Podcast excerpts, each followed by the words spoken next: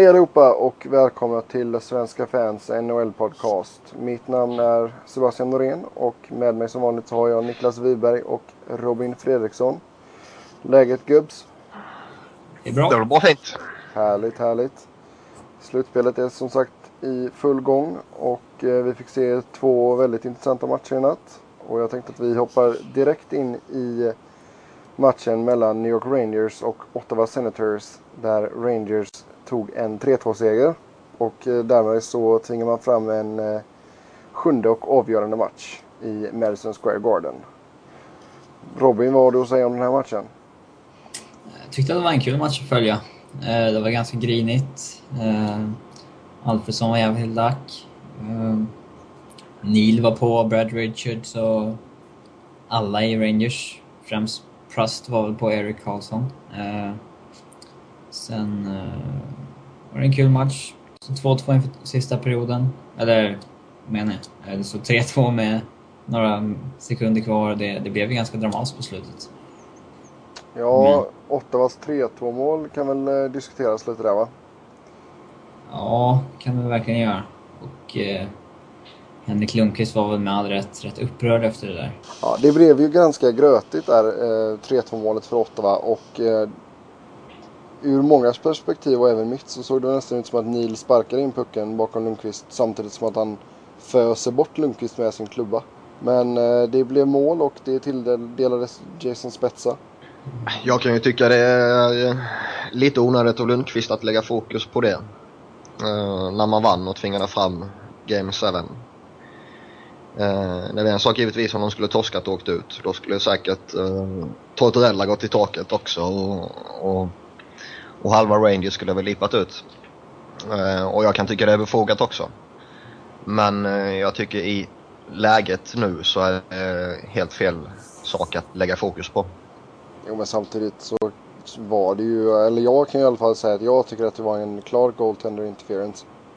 Alltså, Jo, jo jag sa ju det. det, alltså det, Ja. det är väl inget snack om att det, det definitivt är en situation som eh, man bör överväga som domare, om man säger så. Eh, sen har vi sett situationer under hela slutspelet, under hela grundserien som påminner mycket om den här och där domare friar och domare eh, blåser så att säga. Nej, de, de eh, hade ju en liten konferens, domarna där med videodomarna eh, i Toronto. Men eh, deras uppdrag är ju bara att kolla på hur pucken gick in i mål. Och de tyckte inte då att Neil sparkade in pucken utan för de, de får inte göra några beslut när det kommer till goaltender interference och sådana grejer. Mm. Så eh, målet stod i alla fall och då var det 39 sekunder kvar. Och det är som sagt som Robin sa där, det blev lite spännande på slutet. Men eh, ja, nu, nu blir det en Game 7 i Madison Square Garden och eh, Rangers-fansen kommer nog vara ordentligt taggade. Ja, Game 7 är ju Eh, en speciell upplevelse. Ehm, det ska bli intressant att se hur de, alla unga spelarna i de båda lagen tar den upplevelsen. Ehm, många kan ju ta det med lite skräckblandad förtjusning och inte vara riktigt alerta på i början kanske. Så där är det väldigt viktigt både för Rangers del och framförallt Ottawas kanske att eh, de lite äldre rutinerade spelarna verkligen tar tonen och och leder laget. Och jag tror det var väldigt viktigt för, för Senators att de fick tillbaka Alfredsson där till exempel. Eh, för han och typ Gonchar och Spetsa kommer ju bli väldigt viktiga i just i allting runt omkring en Game 7. Ja, Alfredsson som sagt han fick ett ordentligt raseriutbrott. Eh, först så klyver han klubban mot eh, avbytarbåset och sen så stampar han sönder en vattenflaska och svär lite. Mm. Stackars Colin eh, Greening blev ju vettskrämd jämte honom. Ja, det, det var nog inte vatten han hade i byxorna efter det. Nej, men det är alltså, jag kan ju förstå Alfredsson. Alltså det, det kan ju mycket väl ha varit hans sista match hemma i Ottawa. Mm. Om, om nu eh, Ottawa ryker i nästa match. För man vet ju inte riktigt ifall han kommer lägga av eller inte. Så, eh, alltså jag kan väl känna spontant att det, det är bra, bra att ens kapten visar känslor och sådär. Men det kanske var fel sätt att uttrycka dem på det viset. Ja, så länge det inte eh, drabbar laget, alltså i form av en utvisning eller någonting så ser inte jag några problem med det. Och som du sa så vill jag att en, ens ledande spelare och en coach och så ska visa känslor. För att vi, det liksom pekar på engagemang och att man verkligen brinner för det man gör. Um, och jag ser inga problem vad han gör där. Som sagt, det skadar inte laget på något sätt. Annars, Lundqvist hade väl en eh, bra match får man så säga. Eh, 92,6 i räddningsprocent. Ja, men det har han väl nästan alltid, höll jag på att säga. Men det, nej, men det är klart han, han måste ju... Med tanke på att Rangers i övrigt inte har fungerat klockrent så, så måste ju han prestera väl. Eh, framförallt i den här sjunde matchen där då. Mm. Eh, det känns som att Rangers på något sätt inte... Vad ska man säga? De, de lyckas inte nå den höga nivån de hade under grundserien. Eh, och så bra har ju inte Ottawa varit så att de helt har neutraliserat eh, Rangers liksom. Nej men samtidigt tycker jag ändå att Ottawa har överraskat lite. Jo, jo, det håller jag med om. Jag trodde inte de skulle gå så här bra mot Rangers. Men de, jag menar, de har inte varit så överjävligt bra. Så de har tuggat sönder Rangers liksom. Nej, utan det har väl mer handlat om att de, de har ju varit lite som de varit i grundserien. Alltså de, de är så ganska okej okay offensivt. Och de, det är just det där bara att se till att få in ett mål mer än det andra laget liksom. Mm, typ. För det, jag, jag tycker inte... Jag tycker fortfarande inte att Craig Anderson är en målvakt som vinner matcher åt dig. Nej, man kan inte luta sig bakom honom. Han har ju... Han kan ju vara både upp och ner. Han har ju... Han har ju faktiskt en sjukt hög högsta nivå när han väl är på topp. Eh, ja, går han in i zonen där så är han ju en, en riktigt bra målvakt. Problemet är att när han lämnar zonen så är han en uh, förbannat värdelös målvakt. Mm. Det vet man om man är Colorado-supporter. Uh, mm. Han... Game, match nummer sju, det kommer liksom avgöras på vilket humör han är på. Alltså om Ottawa ens kan utmana. Ja, ja. Uh, men Rangers, de jag tycker inte riktigt den går att känna igen från grundserien ändå. De kommer liksom inte... Det känns som de inte tänder på alla cylindrar riktigt. Antingen så är det uh, Callahan och Stefan som är helt osynliga eller så är det eh, Binski och Gaborik som är helt osynliga. De kommer liksom inte... Det är alltid någon som kliver fram känns som och är okej okay, men det är en hel del spelare som åker och gömmer sig känns som. Nej, men det, nu är det i och för sig Richards mål här och han kan väl jag tycka har, har vaknat till lite de sista matcherna kanske.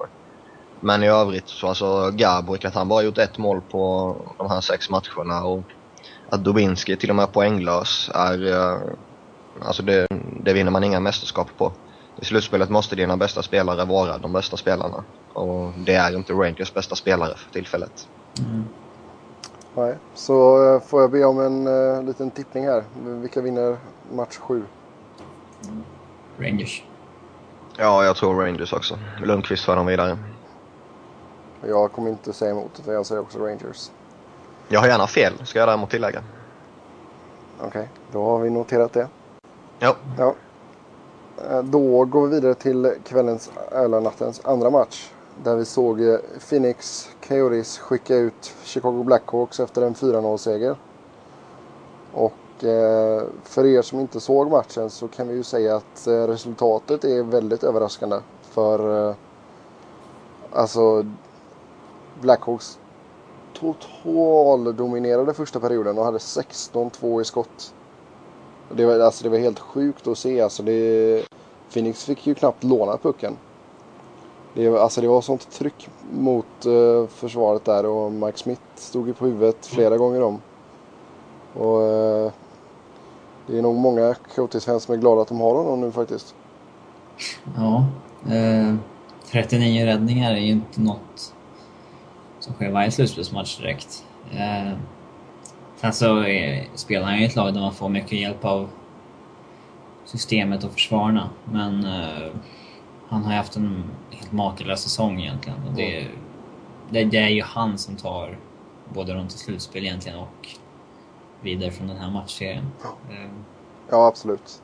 Sedan så eh, i andra perioden så eh, så skickade Oliver Ekman Larsson in 1-0, vilket var hans första slutspelsmål i karriären.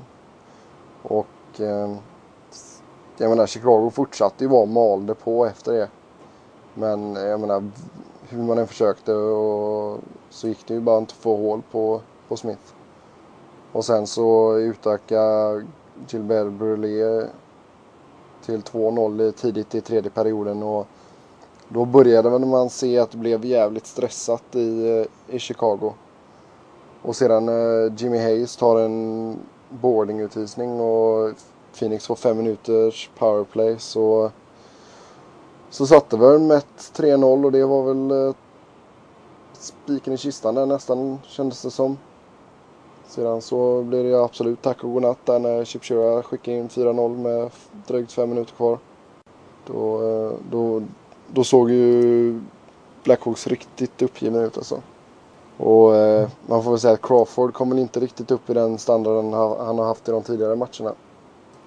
För jag tycker ändå att han har spelat bra i, i alla fall under ordinarie tid i de tidigare matcherna. Ja, jag tycker ändå man kan lasta honom för att Chicago åker i första rundan. Nej, absolut inte. Sen hade han ju ingen vidare match idag. För jag menar, han släpper fyra mål på 20 skott. Nej, det är ju inte okej givetvis, men det, jag tycker det finns uh, andra lite uh, större problem i Chicago som uh, man bör lägga fokus på istället. Ja, typ ja, Patrick Sharp, alltså Patrick Sharp, Patrick Kane. Um, var ju inte de här ledande spelarna som de måste vara. Alltså återigen, Hossa saknas givetvis jättemycket. Uh, Toews tycker jag vaknade till lite mot slutet. Det var ju inte konstigt att han var lite ringrostig i början kanske. Nej, jag tycker inte så. Han har varit deras bästa spelare framåt. Ja. Ja, när han, när han har varit inne har det hänt något i alla fall. Mm. Uh, ja, ja, men Kane till exempel gick mållös och Sharp ett mål bara. Det, det är under all kritik. Annars då om vi pratar lite Ekman Larsson. Ett mål, en assist. Sen loggar han 26 minuter och 50 sekunder. Mest av alla igen. Det är imponerande ja. att se, se han spela faktiskt. Ja, han tar kliv för kliv. Uh, det skulle bli väldigt skoj att följa hans karriär. Men synd bara att inte får spela i ett uh, riktigt lag. Ja, Nej, jag tror faktiskt att det, det, det, kan nog vara väldigt uh, nyttigt för honom också att fostras i Phoenix. Jag tror inte han kommer vinna några titlar med Phoenix. Uh, men för unga killar att få komma in i ett lag och lära sig det defensiva spelet. Uh, när man redan i grunden har offensiven med sig in i ligan. det tror jag kan vara väldigt nyttigt. Ja, och göra honom till en bättre back i det långsiktigt. Liksom. Mm. Nej, jag tycker han, han har ju varit Phoenix bästa back ganska överlägset i den här serien faktiskt. Uh, och inte, ja. bara, inte bara för det han uh, liksom bidrar med offensivt då utan han, han, jag tycker han är bra i positionerna i defensiven. Sen är han en jävel på pokechecka också. Ja, han spelar lite som en ung Niklas Lidström faktiskt. Det, det är lite samma spelstil på honom. Mm. Uh, det blir riktigt kul att följa hans karriär faktiskt. Sen lär han väl få flytta till Seattle nästa år kanske. Ja, vi får ju se vad som händer i fötter. Jag menar hela ägarfrågan där är ju fortfarande... Det har ju gått så mycket fram och tillbaka och rykten hit och dit så... Jag tror att hela organisationen skulle tjäna på att få ett lyft. Alltså, de kan ju inte vara kvar i en halvfull arena i Phoenix. Liksom. I Nej, men alltså, samtidigt gör man bra ifrån sig här nu i slutspelet så kanske lite fler folk får upp ögonen för laget och fattar att de verkligen är liksom någonting att ha. Och liksom, jag menar, det är ju det är inte så att det är något fel på arenan. Jag tycker själva arenan är ju asbra. Det, och sen ligger den lite kast bara. Det, det är väl där problemet ligger. Och sen att man, eh, som vi har pratat om innan i podden, att det, det inte är så mycket folk som är från Phoenix. Men mm. eh, nej, vi får, vi får se vad som händer nu. Nu blir det väl att man får en del eh, medgångssupportrar och sådär. Och får väl se om man kan konvertera några av dem så att de verkligen blir trogna supportrar också. Men jag tycker det är, det är fort... ett måste. Ja, men jag menar det, det är ändå så, jag tycker det är imponerande för det, det var inte många som hade Phoenix som favoriter in, inför den här serien. Nej, det var bara Nej. Ja, det var, av oss tre så var det bara jag. Men det, det är ju en annan femma. Men jag menar, nu vinner man med 4-2 i matcher. Och det, man vann samtliga fem matcher i Chicago under, sett under hela säsongen här nu då. Och det, jag tycker det är riktigt imponerande faktiskt. Ja, det är det. Eh, eh, nu låter det fel att säga det när det är det högsta sidade laget som, som går vidare, men jag tycker det var en liten skräll. Eh, Chicago hade jag större förhoppningar på. Sen har de eh, underpresterat generellt sett tycker jag utan att ta någon ära från Phoenix. Men det, som sagt, eh, samma snack som jag var inne på tidigare eh, förra matchen att de bärande spelarna i Chicago har inte varit tillräckligt bra. Och då blir man inte framgångsrik i slutspelet. Så enkelt är det. Mm. Ja, om vi då går tillbaka. Eller nej, vet du vad vi gör först? Först får vi prata om eh, Torres avstängning. 25 matcher. Spontana reaktioner. Jag tycker väl att 25 matcher för att sätta ner foten mot eh, Raffi Torres som är en eh, idiot på alla sätt och vis. Som eh, är ute titt som tätt efter att skada sina motståndare och som har en väldigt smutsig historia så ser jag i den situationen inga problem att ge honom 25 matcher. För det känns som att han, han har fått sina chanser nu med några två, tre, fyra matchers avstängningar här och där tidigare. Nu liksom eh, sätta ner foten och, och plocka bort den jävlen. För han, han är en fara att ha på isen, så enkelt är det. Det har han visat många gånger. Och eh, jag tycker det, jag har inget problem med 25 matcher där i den givna situationen. Däremot tycker jag att det blir väldigt konstigt när man jämför det med lite andra händelser. Framförallt som har kommit de senaste eh, veckorna då. Typ Shea Weber som jag har tjatat om några gånger. Um, ja, James Neal-tackling är inte jätteolik den som Torres delade ut. Nej, det påminner inte det.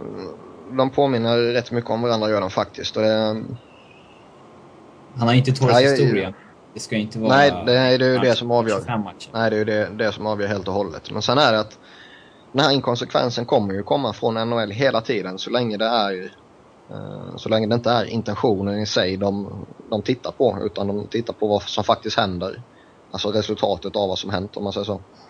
Och eh, vem det är. Jo men eh, grejen var ju så här att jag läste en intervju med Shannon och då sa han just det angående det här med intentioner och sådana grejer. Att då jämförde han, vad var det han jämförde med? Att det är, du får inte samma straff i, i samhället om du, om du gör konspiration till mord som eh, om att du verkligen dödar någon typ. Nej, men det är också en idiotisk eh, jämförelse tycker jo, jag. Ja, ja, absolut. Jag tycker inte man ska jämföra mm, det med vanliga samhället i, man får överhuvudtaget. Man får inte direkt en månads fängelse om man gör konspiration till mord och livstid om man åker dit för mord. Det är ju typ det som är... Det är ju typ så det funkar i NHL just nu. Ja.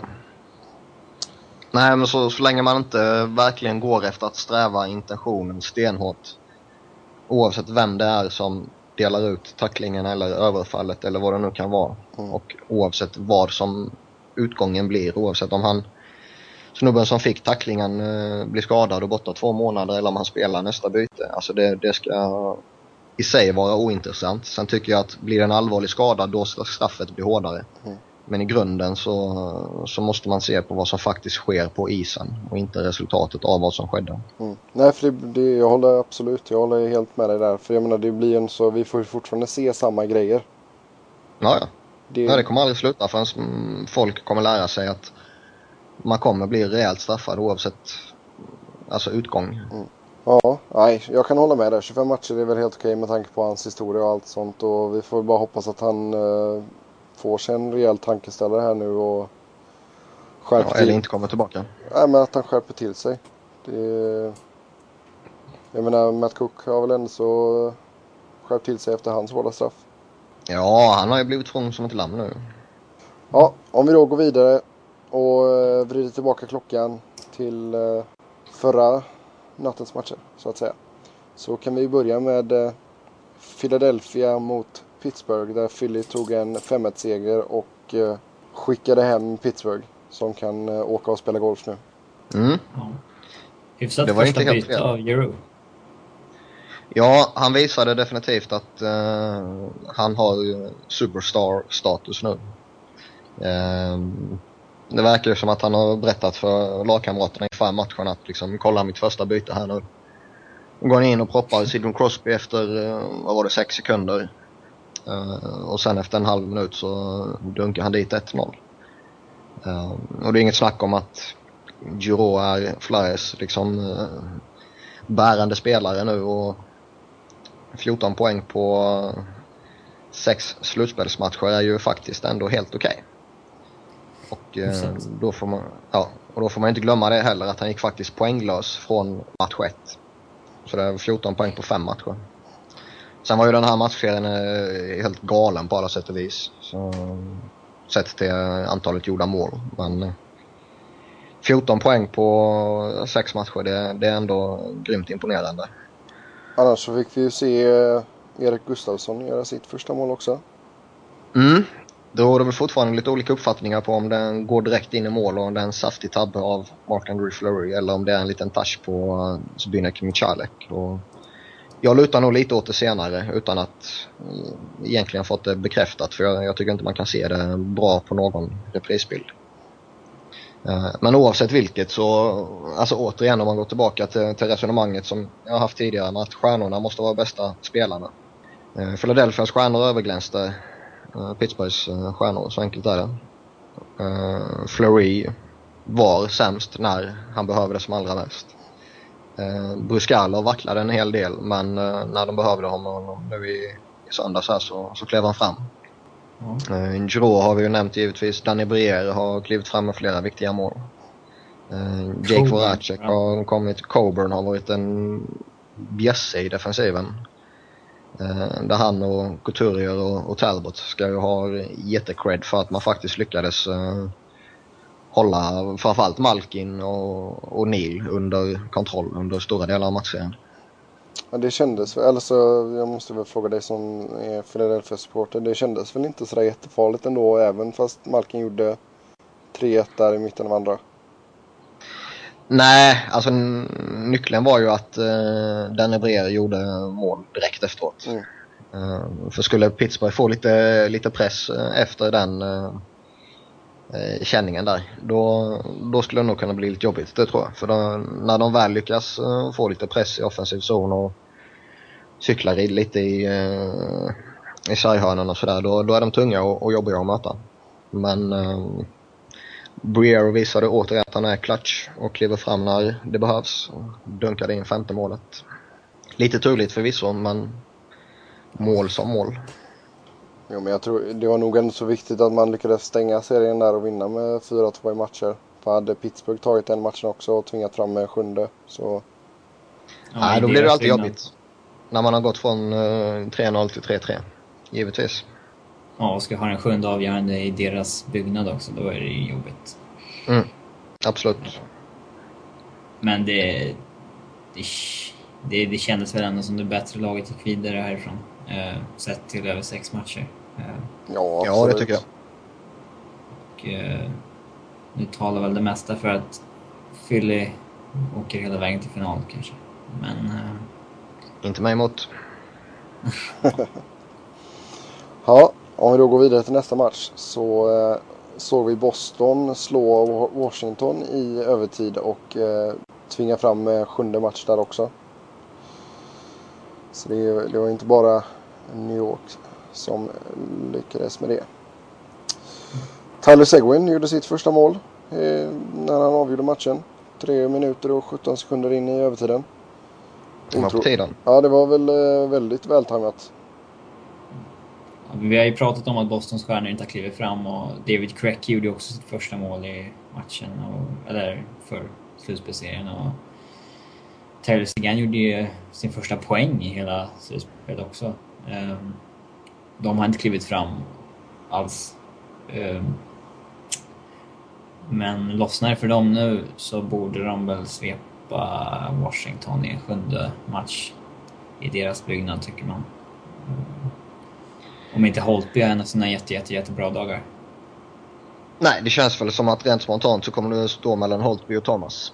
Eh, uh, Holtby har ju varit jätteduktig på alla sätt och vis och, och Thomas börjar väl uh, Visst, han börjar vackla generellt sett, men jag tycker ändå han har varit helt okej okay i, i den här slutspelsserien sett över de sex matcherna som spelats hittills.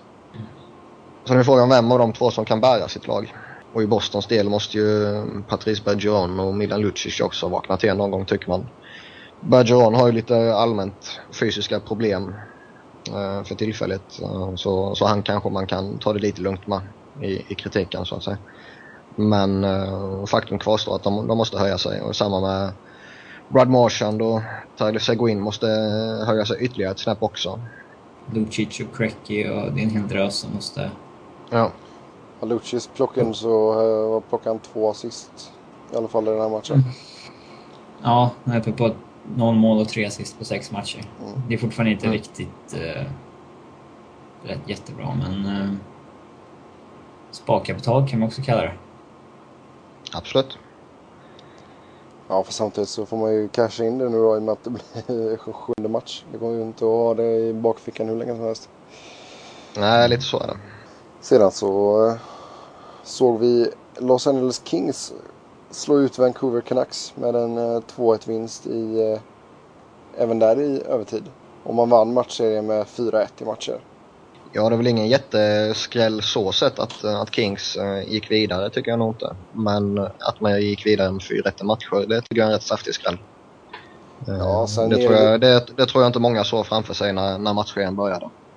Nej, men det, sen det hör ju inte till vanligheterna heller att åtta sidade laget skickar ut första sidade laget. Nej, verkligen inte. Och speciellt inte då i den stilen man gör det. Mm. Och det är mycket där ska man ju tacka Jonathan, äh, Jonathan Quick för alltså. Ja, i princip allting. Han var en eh, riktig kobra. Nej, han har varit grym givetvis. Uh, och, och uh, även om Corey Schneider har kommit in och gjort det fantastiskt bra för Vancouver så känns det ändå som att Quick har överglänst honom också. Mm. Så Quick var väl nyckeln till att Kings gick vidare kan jag tycka. Mm. Um, sen har det varit en väldigt tight och väldigt målsnål serie så generellt sett så offensiven har inte exploderat på något sätt men vi måste ändå lyfta fram Dustin Brown som, nu var det kanske främst de första matcherna där han verkligen glänste men uh, han har verkligen lett laget som, som en kapten ska göra i slutspel. Ja, nej, han var riktigt ruggig de första matcherna. Annars då om vi går tillbaka till matchen häromnatten då så det, det såg ju ganska bra ut i första perioden för Vancouver ändå. Jag menar Henrik Sedin gjorde mål i powerplay.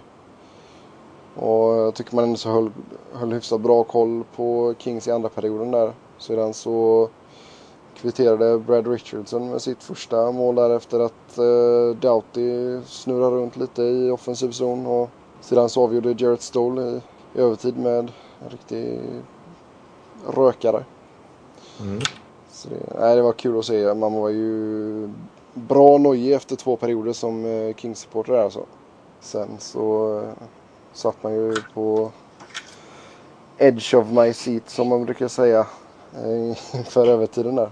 Så, nej, det var, det var riktigt skönt att man kunde för jag tror att hade Vancouver vunnit den matchen så hade det kunnat bli riktigt jobbigt faktiskt. Det, det är ju såklart jättebra av Kings att sluta. Jag trodde också att de skulle slå ut Vancouver.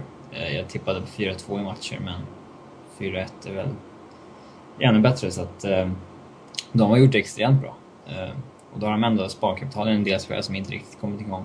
Jeff Carter till exempel. Sen, men det är ju Vancouver som har floppat kraftigt och frågan är om de inte kommer göra lite förändringar där i sommar. Coachbyte till exempel, det vill, ser väl ut att bli. Jo men samtidigt är det ju svårt också med tanke på att Quick har spelat så enormt jävla bra alltså. Ja, men man ska ändå inte åka på 4-1 i matchen mot uh, Kings. Det tycker jag inte. Nej, inte med tanke på vilken offensiv man har på pappret. Och framförallt inte om man ser på den offensiven på pappret i kombination med Corey Schneiders uh, starka spel. Och jag tycker inte att det var Roberto Longo som gjorde att de torskade de två första heller. Mm. Så det, det är väl inte helt orimligt att uh, någonting händer i, i Vancouver till sommaren. Sen tror jag inte det kommer bli några jättestora spelaraffärer så sett. Uh, utan man kommer inte göra sig av med Sedinarna eller Kessler uh, till exempel. Och, och de här bättre backarna, typ Hamoi, Edler, Bjäxa, så tror jag inte de kommer sticka heller. Och trada Luongo tror jag är i princip en omöjlighet. Uh, och Schneider vill man nog inte göra sig av med efter uh, vad han presterar i det här slutspelet till exempel. Så det är möjligtvis ett coachbyte, men uh, inga större spelarförändringar. Däremot kanske man byter ut en, en uh, alltså Burrows, Raymond, alltså en spelare i den kalibern. Jag och Robin pratade lite in, inför programmet här om att Longo alltså Florida kanske skulle kunna lösa någonting där. Men det är ett, eh, det är ett jävla idiotkontrakt att ta på sig. Framförallt när man har Jakob Markström på uppgång. Ja. Uh, alltså det... Jag ser inte att Florida vinner någonting på att ta in Luango. För Florida i de närmsta åren kommer inte vara en contender. Om man inte på något väldigt eh, konspiratoriskt sätt värvar in Sidney Crosby och liksom uh, ja, några andra substjärnor. Men det kommer aldrig ske ju. Däremot har de kanske vissa förutsättningar för att om 4-5 år uh, vara ett lag som kan hota. Med Jakob Markström i kassen och med Hyberdö i, som en ledande spelare etc. etc. Eh, men tar man då in Longo nu så ser, ser inte jag vad det skulle göra för, för lagbygget varken i dagsläget eller framförallt långsiktigt. Då sitter man bara på en, en dyr målvakt som ställer till det när typ Markström och de unga kommer upp och sen ska ha sina nya kontrakt liksom. Ja. Frågan är vad man ska göra med Longo då. För... Eller om de helt enkelt blir tvungna att ja, köra på Longo och trade iväg Schneider. Ja, alltså man vet inte. Longo kanske är den typen av målvakt och individ som eh, behöver känna att han är den givna första målvakten eh, och att det är då han kan prestera. Istället för att ha en ung målvakt som, som presterar väldigt, väldigt bra när han spelar och, och man då känner att fan han är ju bättre än mig, det funkar ju inte. Så kanske det mm, man kanske behöver göra sig av med, med Schneider för att Longo ska liksom tända till och, och hitta formen igen på, på så bra som man kan vara faktiskt. Men eh, det är lite gambling också att göra sig av med Schneider när Longo kan vara som han är liksom. Ja, han kanske är lika bra men dålig reservmålvakt. Mm. Det vet man ju inte. Nej, nej precis. Men eh, nyckeln för Vancouver kanske är en La Barbara i båset helt enkelt. Ja, de får gärna ta honom. Nej men alltså det är, jag vet inte. Det, det är som sagt en svår situation. Det, jag tror inte Vancouver är så jättesugna på att sitta med ligans dyraste backup-målvakt liksom. Nej, verkligen inte. Nej, de, är, de vill ju verkligen betala, alltså ligga så nära lönetaket det går också, vara en contender. Eh, De vill inte slänga bort fem, över fem miljoner i onödan på en reservmålvakt. Ja. Jag får inte glömma det heller att Schneider blir ju RFA så det är inte eh, någon jättepanik så sätt att förlänga med honom heller utan man kan ta ett år här nu liksom. Eh, Och köra vidare och se vad som händer om man ska säga så. ja exakt. Och jag menar fortsätter han spela bra så får man ju ta det problemet senare då helt enkelt. Ja, lite så är det. Ja, tidigare i veckan så såg vi ju St. Louis Blues skicka ut San Jose Sharks med 4-1 i matcher. Och samma siffror var det ju även mellan Nashville och Detroit. Så eh, vi har ju matcherna klara för oss i Western Conference. Det blir LA Kings mot St. Louis Blues och Phoenix Coyotes mot Nashville Predators. Det, på pappret ser det inte ut som de här matcherna kommer att eh, ge några Philly Penguins resultat direkt va? Nej, det kommer vara tajta, defensivt prioriterade matcher som eh, ja, kommer vara väldigt ihopknäppta och kommer vara väldigt, eh, väldigt mycket enkelt spel. Väldigt mycket, eh, alltså, falla ihop, döda ytan, vinna puck. Kan man inte spela puck så flippa ut puck. Det Är väl känslan. Och det kommer nog inte, som du säger, vara några sådana jätteglamorösa matchserier. Däremot kan det vara underhållande så sett va. Men ehm, det, det är en intressant diskussion också som har kommit upp lite här nu att det blir fyra stycken så defensivt inriktade lag som går vidare. Om det kommer, kommer skapa en ny era att uh, mer och mer i lag kommer gå in och bli liksom ultradefensiva. Ja, du sa ju inför programmet här att det är tråkigt. Ja, alltså mm, det, det är ju tråkigt på det sättet att eh, det kan bli väldigt, eh, som, som jag var inne på, lite tight och lite lite eh, krampaktigt och, och så när, när två sådana här defensiva lag möts. Eh, där de tar ut varandra lite. Eh, och sen kan det vara jätteroliga matchserier och, och matcher. Men eh, känslan på förhand är väl att det, de så starka defensiverna i de här fyra lagen kommer ta ut varandra. Jag tror ju tvärtom att det kommer bli skitkul. Jag, jag gillar ju det här när det är lite, det blir ju jäkligt mycket taktik. Och det, jag tror det, det kommer smälla ganska bra i de här serierna också tror jag. Ja, det kan det nog göra. Så det, Det är många roliga spelare ur den aspekten. Mm. Det, och sen det blir ju extremt sköna matchen i matchen eh, dueller mellan målvakterna också i de här matcherna. Eller serierna. Det, är- det är ju fyra nu, om vi räknar bort Halak då. Riktigt bra målvakter. Jag menar du har Elliot mot Quick. Och du har Reine mot Smith. Jo, så är det. det jag menar, med tanke på att det är så fyra starka defensiver som, som ställs i, mot varandra i, i andra omgången här så, så kommer ju målvakterna bli ännu mer betydelsefulla än vad de redan är för sina lag och de är ju ändå ruggigt viktiga. För det känns ju inte som det kommer bli några 6-3 resultat eller eh, 5-4 eller liksom 9-7 eller något sånt där galna saker som, som det kunde vara lite i, i Pittsburgh, Philadelphia. Utan det, det kommer att bli eh, 2-1, 1-0, alltså 3-1 sådana matcher tror jag. Mm. Väldigt tight. Om vi då blickar över till... Eller Robin, har du någonting att tillägga?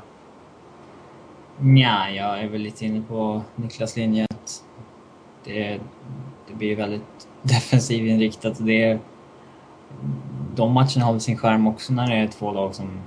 När det är två storspelande målvakter som liksom går head to head sådär. Men eh, man ser hellre flera mål.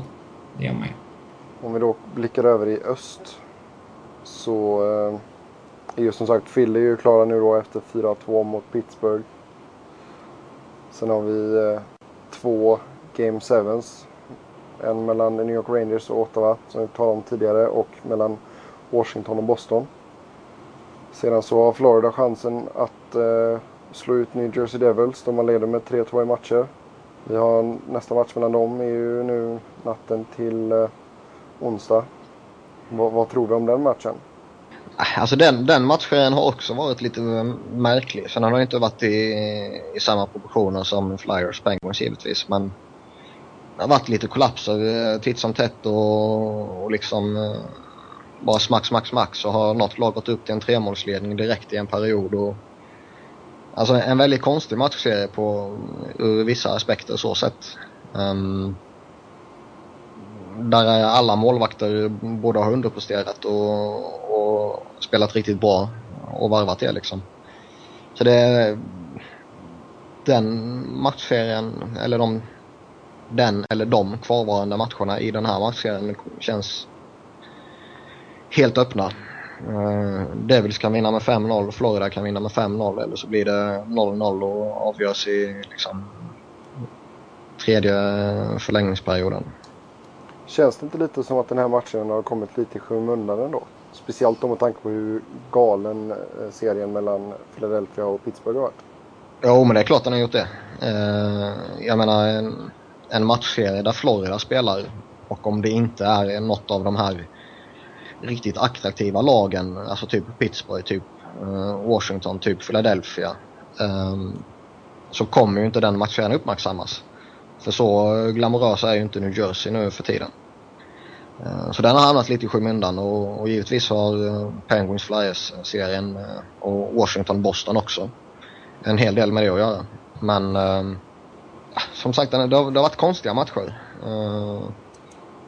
Och det känns som att oavsett vilket lag som går vidare här, oavsett om det blir Devils eller Panthers, så kommer de ryka i andra rundan rätt så klart tror jag. För, det jag har sett så har de inte övertygat något av lagen. Ja, det, är, det är lite svårt att säga om det. Jag tror inte heller att de, beroende på vilket lag som går vidare, så tror jag inte heller att de kommer ha mycket att säga till om.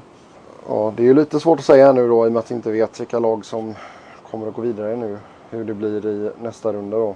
Med, med tanke på att det, det har ju med sidning att göra. Men eh, det blir, vi kan ju se fram emot en spännande upplösning i östra konferensen i alla fall. Ja, det kommer det bli. Alltså två Game Sevens är ju aldrig fel. Eh, kanske till och med tre.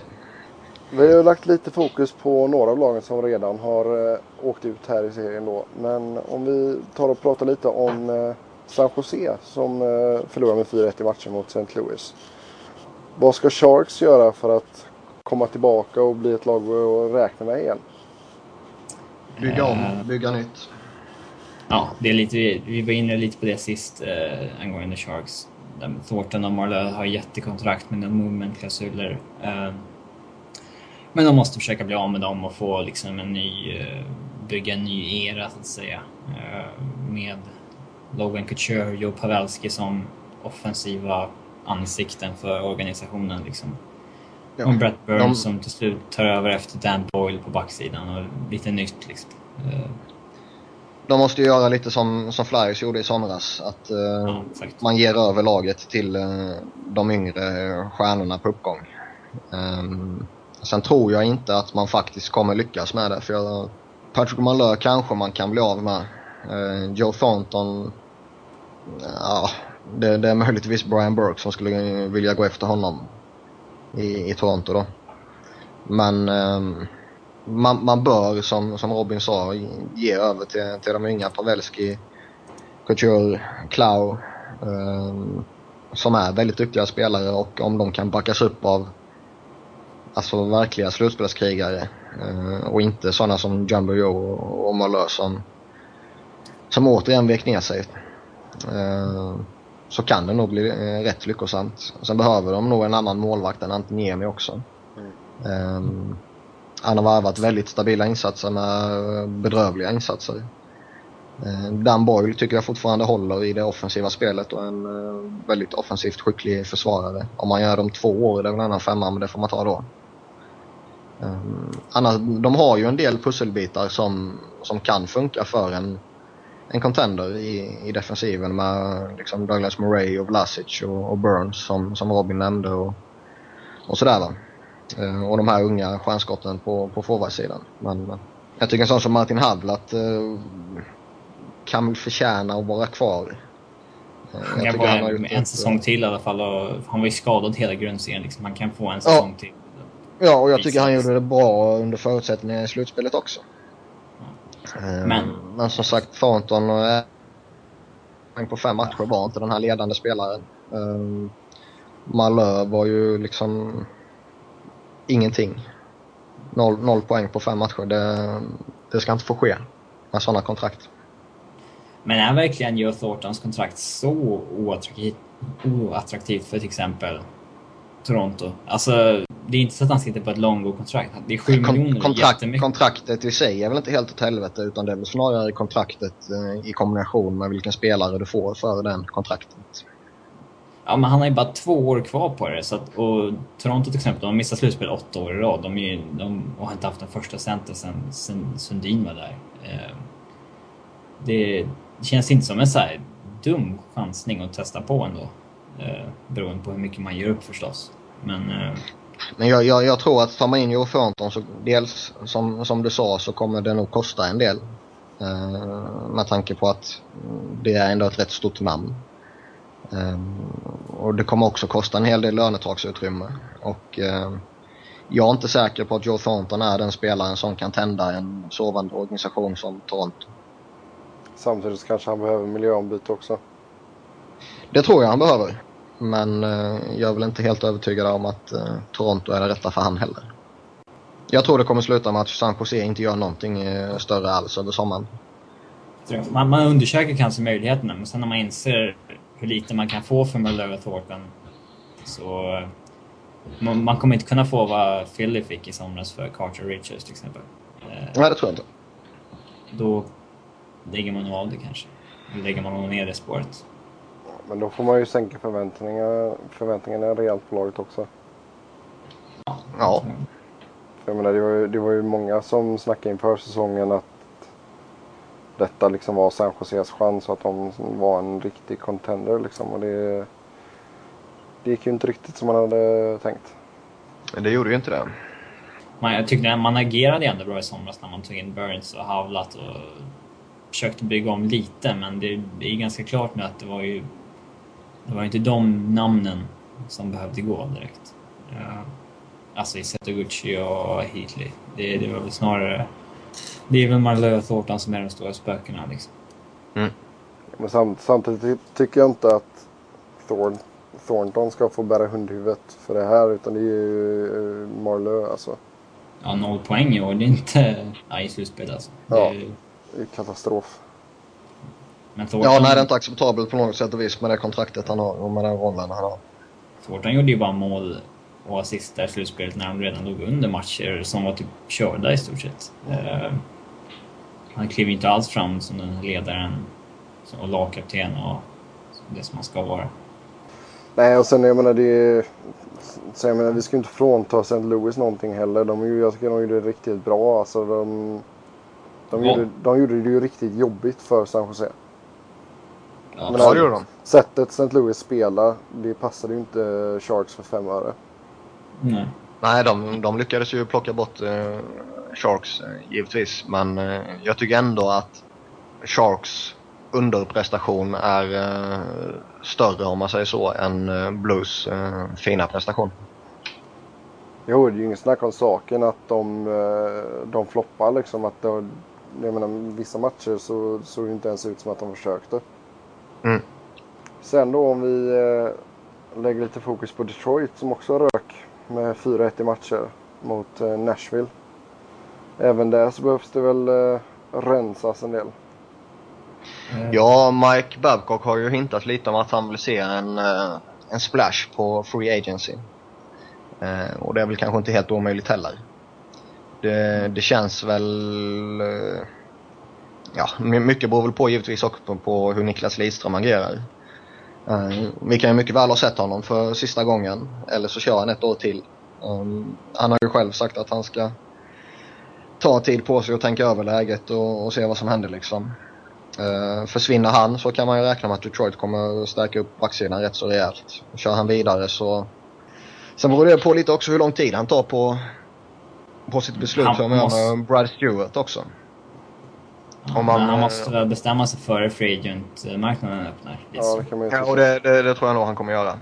Men eh, sen tror jag inte det, liksom spelar Niklas Lidström nästa säsong så är det ju, är det ju uteslutande Detroit som gäller liksom.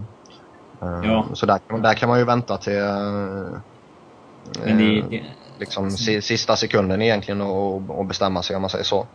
Men då kommer nästa problem också hur man gör med Brad Stewart. För jag tror inte Detroit är redo att gå in i Free Agency med både Lidström och Stewart utan kontrakt. men Stewart har väl sagt att han, eller han har väl hintat att han... Han har hintat lite eh, om Ja. det, men det, det kan lika gärna vara förhandlingsknep också liksom för att försöka Ja. trissa upp priset. Ehm, men jag tror att får, får man ett tidigt besked från Niklas Lidström att han kommer sluta, vilket jag inte hoppas att han gör, för jag tycker fortfarande han håller ett år till. Eh, är då kommer man sannolikt, eh, ja, ja, då kommer man sannolikt ge sig efter Stewart eh, lite hårdare. Sen om man får negativt besked från honom, då är det en annan femma givetvis. Ehm, en sån som Jiri Hudler är ju frågan också hur, hur de ser på honom. Som kan varva jätteinsatser med totalt intetsägande insatser och, och liksom massa divings till höger och vänster. Det- Som alltså, ses väl inte som någon bärande spelare så som man bygger någonting på kan jag tycka. Men sen Thomas Holmström kan man ju öppna upp två miljoner för lite drygt eh, om han slutar. Och det är väl inte helt omöjligt han gör det heller. Nej, han har sett riktigt seg ut i år. Och, jag, jag Ja, det, enda, inte... det enda han gör nu för tiden det är att stå framför kassen i powerplay. Där är han fortfarande helt okej. Ja, men om jag var Detroit skulle jag nog alltså hellre se att man testade något nytt där. Liksom. Ja. Bara för generationsväxlingens skull. Men det, är- det är ju inget snack om att det är, eh, det är free agent-marknaden som kommer vara Detroits... Eh, det är där de måste gå liksom, för att de har inte mycket alltså pusselbitar de kan byta bort. Eh, det är, många äldre spelare och spelare som är hyfsat unga som Phil Pola som är 28 och sådär. Det är spelare de måste ha kvar, de kan de inte skicka liksom. Nej, jag, jag ser liksom inte att eh, Detroit hivar iväg någon av sina spelare här. som man har. Det är, alltså möjligtvis eh, en Ian White, en eh, Kyle Quincy, en uh, Jerry Hudler innan liksom, kontraktet går ut. Eller liksom sådana spelare, men inte, inte någon av de bärande spelarna. Det, det är de för bra för. Typ Zäta, Datsjuk, Franzén, uh, Filippola som du hintade för tycker jag har gjort det väldigt bra. ja. Kan Detroit göra ett move för att få in en sån kille som till exempel Alexander Semin? Ah, det har ju tuggats om dem, eh, alltså just Detroit och Semin de senaste eh, ja, åren egentligen. Eh, jag ser väl inte honom som den ultimata spelaren i Detroit. Möjligtvis skulle han passa bra tillsammans med Dachuk. Men jag ser inte heller han som, som en spelare som man, man tar in för att liksom verkligen snäppa upp laget. Uh, utan då, då kan jag tycka att Detroit ska sikta in sig på andra spelare. Vilka andra namn på eh, free agency-marknaden kan vara intressanta för Detroit? Kommer Ryan Suder till, till free agency så kommer ju Detroit vara ett av lagen som kommer gå starkast efter honom. Ja, de måste ju, de måste ju hugga hårt. De måste ja. hugga hårt i år medan de fortfarande är het. Alltså skulle de alla bli ett år äldre nästa år, skulle de gå ner sig då och kanske missa slutspel, då är det inte Detroit det här jätteattraktiva laget längre. Nu vill alla till Detroit för att de alltid är en contender. Skulle alltså, de... Kommer inte missa, de kommer inte missa slutspel, det har jag väldigt svårt att se. Alltså med Datsjuk, Franzén och Kronwall och, och Howard. Så det, så det ser jag inte som ett scenario. Nej, men skulle men... det vara en klar, alltså en klar försämring nästa år? Då... Ja, nej, då är det klart det är möjligt så va. Eh, ja, men som sagt, Sudor tror jag är ett namn man kommer gå stenhårt efter när han kommer dit. Jag tror att eh, Zach Parise kanske kan vara aktuell. Ja, det eh, tror jag verkligen. För han länge med, med Devils. Mm. Och det känns väl som en, en, rätt, eh, en rätt spelartyp för Detroit också. Eh, en stark tvåvägsforward som, som kan spela åt båda hållen som sagt. Och det är lite det som, som präglar Detroit också. De har ju en del sköna prospects på uppgång, men inte riktigt som andra klubbar. De har Järnkrok i Sverige, de har Pulkinen i Finland. De har en Brenna Smith på backsidan som jag tycker ser intressant ut. Men i övrigt så ser det ganska så... Ganska så tunt ut. Eh, de måste satsa på free agency. Om vi sedan eh, tittar över på Chicago då som åkte ut i natt. Vad behöver Chicago göra? De har ju en eh, offensiv uppsida. Där skulle jag inte ändra om särskilt mycket. Eh, de har ändå jättebra backpar i Seabrook och Keith. Eh, som det går att bygga en bra backbesättning kring. Det är väl, om de ska efter någonting så är det väl en en bättre första målvakt helt enkelt. Det, är inte, det var inte Crawfords fel att de åkte ur i år, men är det någonstans de ska förbättras så är det ju på den positionen, tycker jag. Vad finns det för realistiska mål att få in för någon målvakt där då? På Free Agency tror jag inte att det finns särskilt många, men ett namn som Thomas Vokun kan ju mycket väl bli tillgängligt. Uh, om Washington väljer att satsa vidare på Moivert. Sen... Uh, det är väl, han, han är väl det hetaste namnet jag kan komma att tänka på just nu. Sen kan man alltid trada till sig en bättre, en bättre målvakt men jag har svårt att se att de skulle kunna gå efter till exempel Schneider i Vancouver. Det känns som de skulle behöva ge upp alldeles för mycket för att få honom. Jag ser väl också ett behov av, mm, ja, som, vi, som vi, vi har ju pratat lite i Chicago tidigare i podcast och och jag ser väl inga jätteproblem med Corey Crawford i, i kassen hos dem så länge utespelarna gör sitt jobb. Eh, jag tycker det är en stor lucka i deras andra kedja och eh, närmare bestämt på centerplatsen. Uh, Toews är på alla sätt och vis en fantastisk center för en första kedja. Uh, men som de har liksom varvat lite med Kane som center och Patrick Sharp ska inte vara center. Alltså det, det finns ett för stort hål där. David Bolland är en jättebra center men han ska vara tredje center med de uppgifterna. Det är då man... Kryger liksom, ingen utnyttjar... Nej, för fan. Men boll, bollen liksom, det, det, är ett för stort glapp där emellan och um, det är någonting som jag anser man måste åtgärda så fort det bara är möjligt. Det, det är väl inte helt omöjligt att de tvingas ge upp en av sina bättre forwards för att försöka få in en andra center. Till exempel att man får offra Sharp eller... Jag tror inte man offrar Kane liksom för han är, känns som en franchise player tillsammans med Tiggs. Uh, men eventuellt Sharp man kanske måste offra eller Hossa börjar bli lite tårig nu jag tror ingen vill ta hans kontrakt så det är väl Sharp som är det man har att locka med då. Men det är ju samtidigt en spelare vill ha kvar men ska man ge upp någonting bra så måste man... Eh, eller ska man få in någonting bra så måste man ge upp någonting bra också. Ja, så är det utan tvekan. Men det, nej, de, de, går, alltså de, de har ju ett starkt lag ändå tycker jag. Eh, och kan man spetsa till det och, och fylla, eh, som jag ser det framförallt, eh, platsen som, som andra center så, så bör man vara ett hot nästa år också. Mm. För det kommer, sannolikt kommer ju kanske Andrew Brunette inte få nytt kontrakt och Brendan Morrison uh, har jag svårt att se att han stannar. Och där liksom är det 3,2 miljoner som öppnas upp direkt. Eh, Johnny Odoja, om han är kvar, kommer ju sannolikt inte signa för 3,5 miljoner till exempel. Um, så man, man har ju ett visst löneutrymme för att förstärka med. Ja, sen, finns, sen finns det ju inte några jättesaftiga centrar på free agent-marknaden så sett. det, det finns ingen Brad Richards som det gjorde i fjol till exempel. Nej, så sannolikt blir det kanske en, en mindre värvning för dem bara. Uh, och se om man kan åtgärda det internt. Alltså Sharp är ju en okej okay center. Men han blir ännu bättre som framförallt vänsterforward. Om vi då går vidare till uh, sista laget här som vi tänkte diskutera. Pittsburgh Penguins. Nu rök man i 4-2 i matchen mot Philly. Behöver Pittsburgh göra någonting för att räknas som ett storlag igen eller vad man ska säga? De är väl ett storlag men... Det, jo det är de. Men det har ju pratats en del lite om eh, både Bylsma om han ska få vara kvar eller om han ska få, få lämna. Han, eh, efter eh, eh, Stanley Cup-segern här så har han inte riktigt varit lyckosam. Sen visst, han har haft jätteskador på på väldigt tunga spelare de senaste två åren givetvis. Va? Men eh, det börjar alltså nämnas lite om, om hans framtid och det börjar tuggas lite eh, om försvararna också. Paul Martin har ju inte alls varit den backen han var i New Jersey till exempel. Eh, den här säsongen var han väldigt, väldigt svag för att uttrycka det lite milt.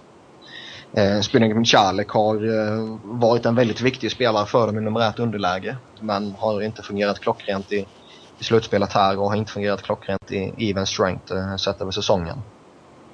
Brooks Orpik, eh, ja, Brooks Orpik eh, känns inte heller riktigt som den spelaren som han var för eh, en liten, liten tid sen bara. Eh, och det börjar pratas lite om att eh, framförallt Orpik och Michalek kanske inte riktigt funkar i Bylsmas eh, sätt att lira nu. Um, när han tog över uh, under säsongen när de vann så ja, då tuggade de mest vidare på, på det som som laget var inställda på och hade jobbat med hela säsongen och, och vann guldet på det då så att säga.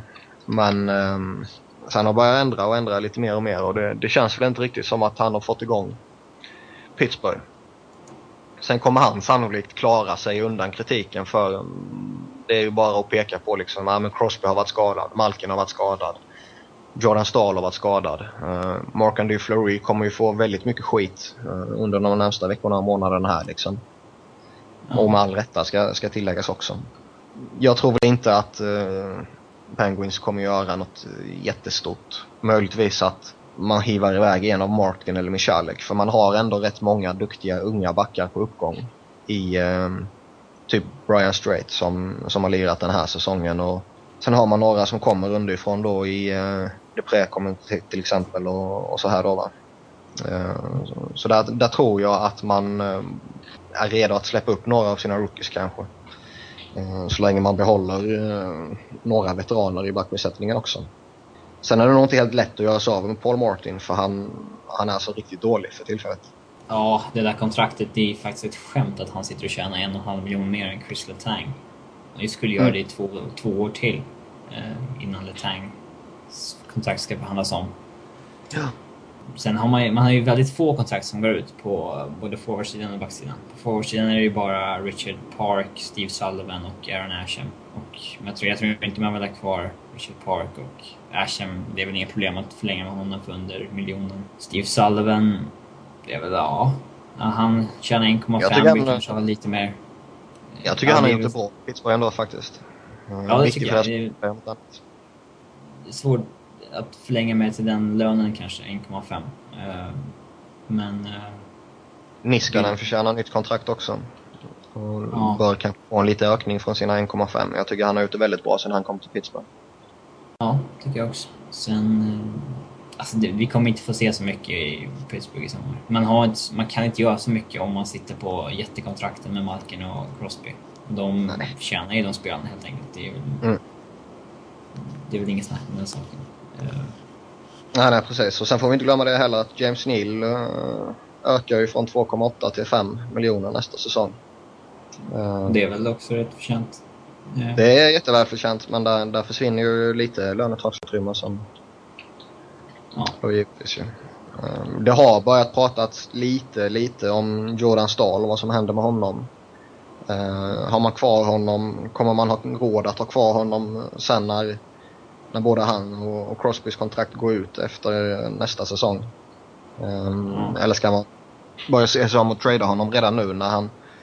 Alltså ett kontrakt på 4 miljoner för Jordan Stahl är ju väldigt attraktivt. Han skulle kunna gå in i, i en andra kedja i Chicago till exempel. Och han skulle kunna gå in i en första kedja i, ja, säkert 10-15 lag också.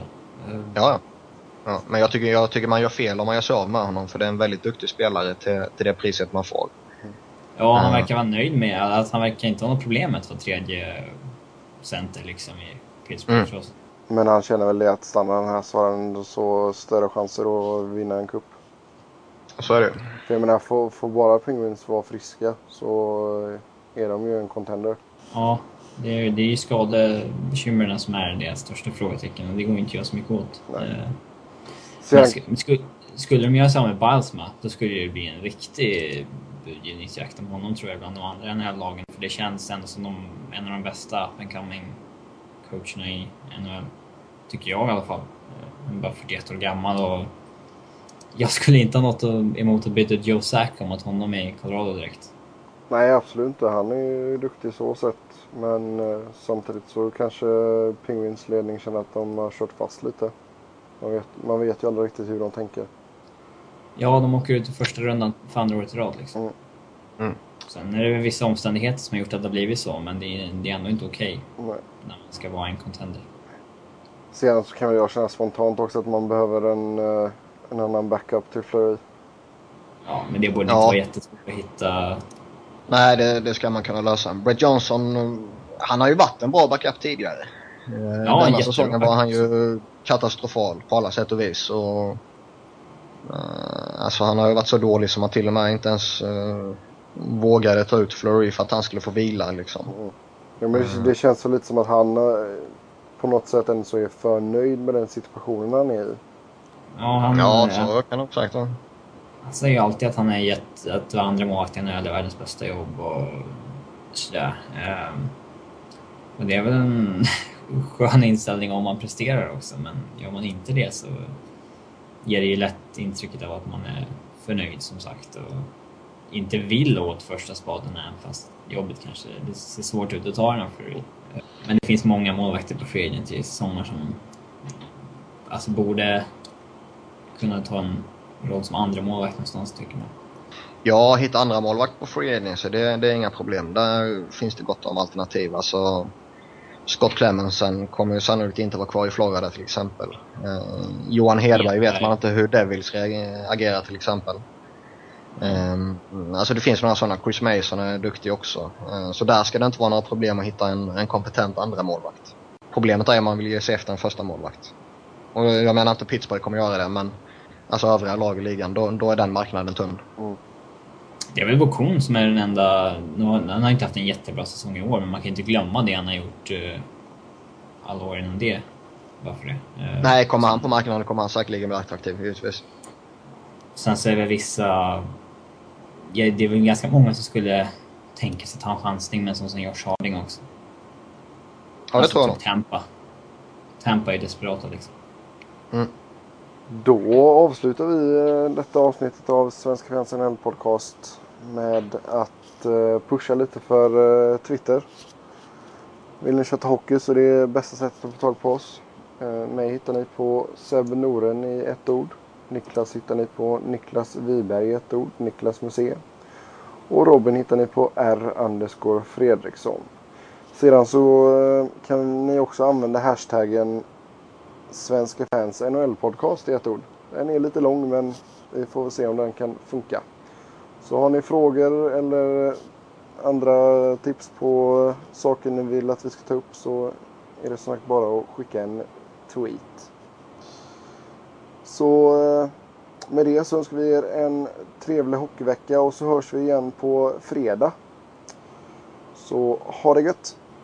Hej! Hej!